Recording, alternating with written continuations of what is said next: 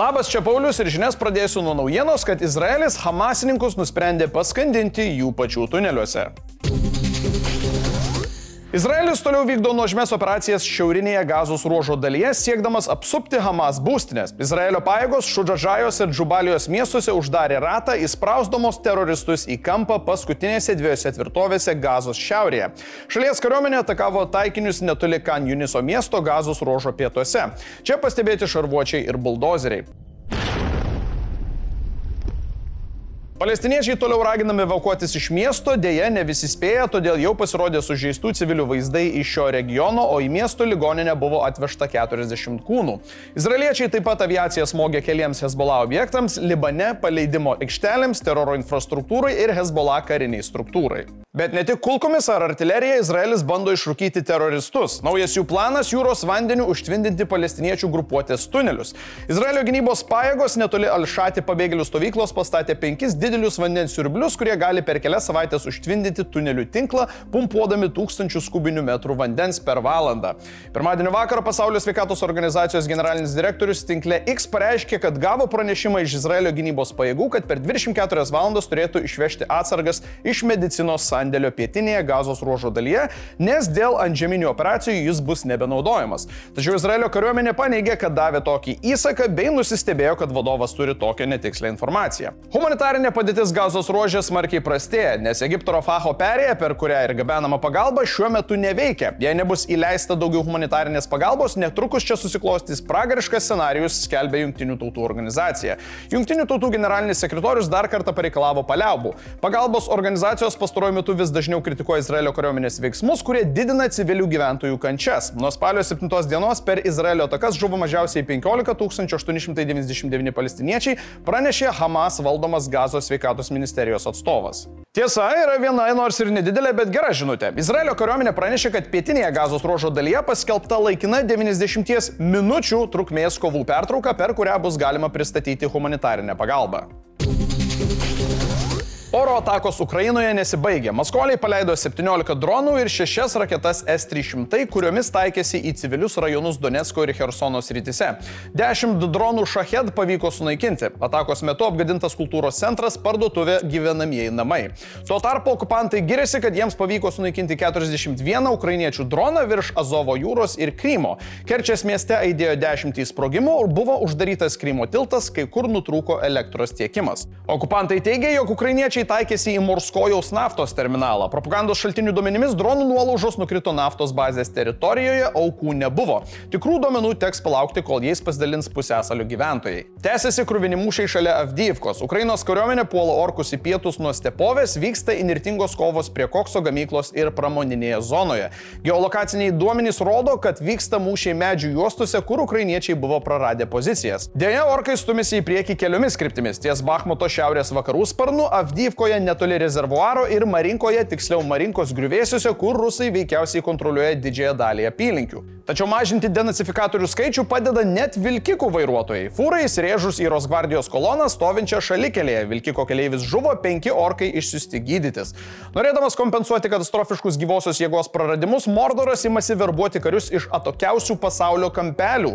Žuvus šešiems nepaliečiams kare su Ukraina ir vienam patekus į nelaisvę, Nepalas pareikalavo, kad Maskva nustotų verbuoti ir tučtau gražintų visus Nepalo piliečius. Tačiau karas karu, o valgyti žmonėms reikia. Nepaisant to, kad orkai nuolat atakuoja Ukrainos uostus, laikinuoju koridoriumi per Juodąją jūrą iš Odesos srities 200 laivų eksportavo daugiau nei 7 milijonus tonų krovinių, iš jų beveik 5 milijonų tonų Ukrainos žemės ūkio produktų. Tad bunkeriniam žmogėdrai maisto krizę sukelti nepavyko, bent jau kol kas. Tačiau kita krizė, finansinė, toj gali virsti į katastrofą. Baltųjų rūmų biudžeto biuro direktorė Šalanda Jank teigia, jei kongresas nesims veiksmų, iki metų pabaigos pritruks lėšų įsigyti daugiau ginklų ir įrangos Ukrainai aprūpinti ir kad nėra jokio stebuklingo fondo, kuris galėtų padėti. Tam, kad stebuklas įvyktų, Volodimiras Zelenskis nuotoliu kreipsis į kongresą. Nuo sekmadienio internete plinta vaizdo įrašas, kuriame socialinė darbuotoja su policijos pagalba paima vaiką iš mamos. Vaikas verkia, priešinasi, o mama nebendradarbiauja su specialistais. Žodžiu, šių laikų garliavos istorijos versija. Kad mažai nepasirodytų, tai šeimos artimas asmo video internetą įkėlė neuždengdamas vaiko veido ir taip pažeisdamas įstatymus. Iš pirmo žvilgsnio viskas atrodo paprastai. Groboniški specialistai vagia vaiką iš gražios šeimos, tačiau realybė gerokai sudėtingesnė. Vaiko mama Facebook'e pasakoja, kad su tarnyba jį kovoja jau seniai, o jos sunus tėvo aplinkoje patiria smurtą, tačiau vaiko teisų apsaugos tarnyba paneigė mamos žodžius. Sako, kad būtent iš motinos jis paimtas dėl grėsmės. Vaikas turėjo gyventi su tėvu, tačiau motina su vaiku slapstėsi. Paimimo metu ji nenuramino vaiką, o aštrino situaciją. Tarnybai antrina Lietuvos ryto žurnalistė. Jis situaciją žino, nes mama kreipėsi ir ją. Pasak žurnalistės, tai skirybų situacija, kurioje motina norėjo atimti vaiką iš tėvo, todėl ant jo siundė pareigūnus, tarnybas ir žurnalistus, užvertė institucijas skundais. Deja, informacija nepasitvirtino. Kai žurnalistė suprato, kokia esmė, prasidėjo motinos teroras. Skambučiai nuo ryto iki vakaro, reikalavimai ir keiksmai. Kodėl? Rasa mano, kad dėl pinigų, kuriuos norėjo pasimti iš vaiko tėvo. Beje, žurnalistė pasidalino dar vienu įdomiu dalykeliu. Vaikas psichologams pasakojo, kad aplink namus, kur gyvena su motina, skraido dronai ir juos stebi. Taip jam pasakojo pati mama. Beje, mamytė neapribotas bendravimas su vaiku, jie matosi ir bendrauja. Pati motina irgi pasisakė apie situaciją. Jis savo kalties nepripažįsta. Mes prašėme pagalbos su vaiku. E, niekas į mūsų pagalbos prašymus neatsižvelgė, mes todėl vaikas ir nenorėjo grįžti. Prabilo ir vaiko tėvas, kuris pasakė, kad vaikas yra su juo ir yra saugus. Jis kreipėsi į policiją dėl įrašo paviešinimo, nes tai padarė žalą jo sūnui, o pats tėvas po video pasirodymo sulaukė heito ir buvo pavadintas urodu. O tarnybos atlieka tyrimus, nes tėvas kaltinamas, kaip sako, nebūtais dalykais. Pavyzdžiui, kad įkišo vaikui į užpakalį pirštą. Vaiko teisų apsaugos tarnyba atlieka vidinį tyrimą, kuris nustatys, ar specialistų veiksmai situacijoje buvo adekvatūs. Vaiko teisų apsaugos kontrolieriaus tarnyba irgi pradėjo tyrimą. Kontrolierė pridėjo, kad iš anksto nereikėtų pradėti linčio teismo, o tokiuose situacijose retai kada vaikas savo norų eina nuo mamos pas specialistus į rankas. O kadangi greitai bus prezidento rinkimai, kodėlgi nepasinaudojus situaciją visų reikalų žinovui? Gitanas Nausėda bando krauti socialinį kapitalą ir komentuoja skandalą, stipriai kritikuodamas tarnybas. Kaip pakomentavo komentavo buvęs Konstitucinio teismo pirmininkas, jo ekscelencija pažiūrėjęs vieną video išsprendė bylą ir nurodė, kam ką daryti. Pasak jo, tai jau pagrindas prezidento apkaltai.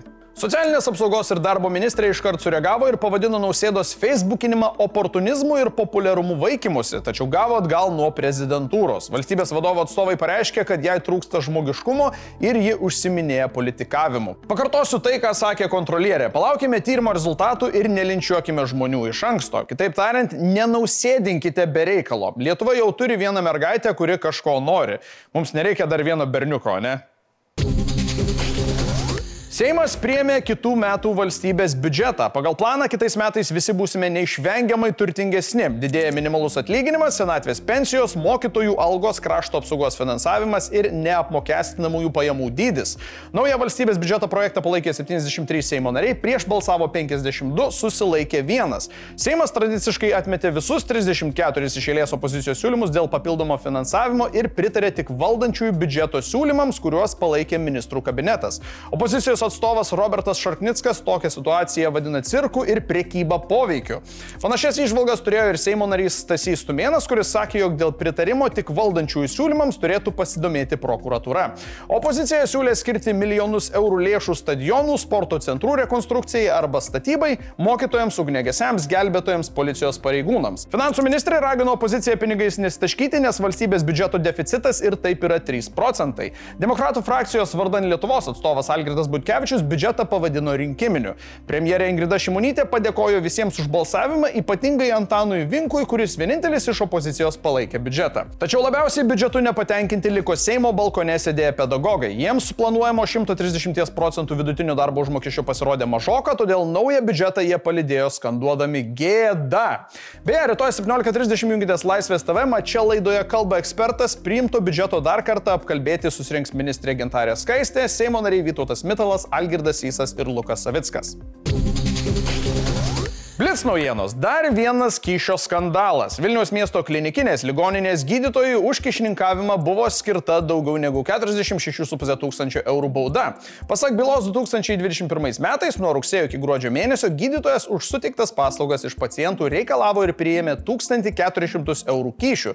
Šio tyrimo metu įtarimai dėl kišininkavimo buvo pareikšti dar septyniems gydytojams bei buvusiam ligoninės vadovui. Konstitucinis teismas paskelbė, kad už kitą Seimo narį prabalsavęs gražus Gražulis šiurkščiai pažydė konstituciją ir sulaužė priesaiką, o toks jo veiksmas buvo sąmoningas. Po tokio konstitucinio teismo sprendimo parlamentarai balsuos dėl Gražulio mandato atimimo. Jei šis būtų atimtas, Petras net 10 metų negalėtų kandidatuoti nei į Seimą, nei į prezidentus ir iš vis negalėtų dirbti jokiose pareigose, kurioms reikėtų duoti konstitucinę priesaiką. Seimui pritarus ateinančių metų biudžetui mokytojų reikalavimai liko neišgirsti, todėl Lietuvos švietimo darbuotojų profesinės sąjungos vadovas Andrius Navickas sako, kad tikisi, jog prezidentas vetuos 2024 metų biudžetą. Šiam sprendimui nausėda turi 10 dienų, kol kas prezidentūros atstovai nekomentuoja, koks bus šalies vadovo sprendimas.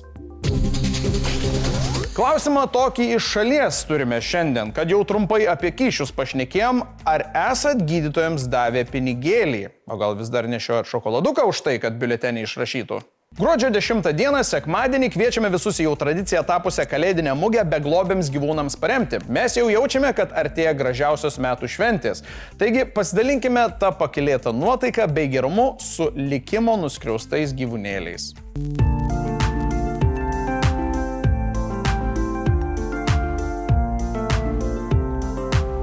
O dabar nusileiskime į komentarų sekciją. Po vakarykštė žinių laida tarp daugumos pasiūlymų sulyginti baltarusius su rusais atsirado viena labai miela žinutė. Audrius rašo, kad kolega Dominikas yra labai geras dainininkas. Da, sunku su tuo būtų nesutikti. Ir neaiškiai žinutė mums paliko Vaidotas Gružauskas 7013 tiesiog parašęs Info Čigonų TV. Tai čia tikriausiai, kad komentarus sumaišė su paieškos skiltimi ir tiek. Tai tiek žinių šiandien, čia buvo Paulius ir iki kitų kartų.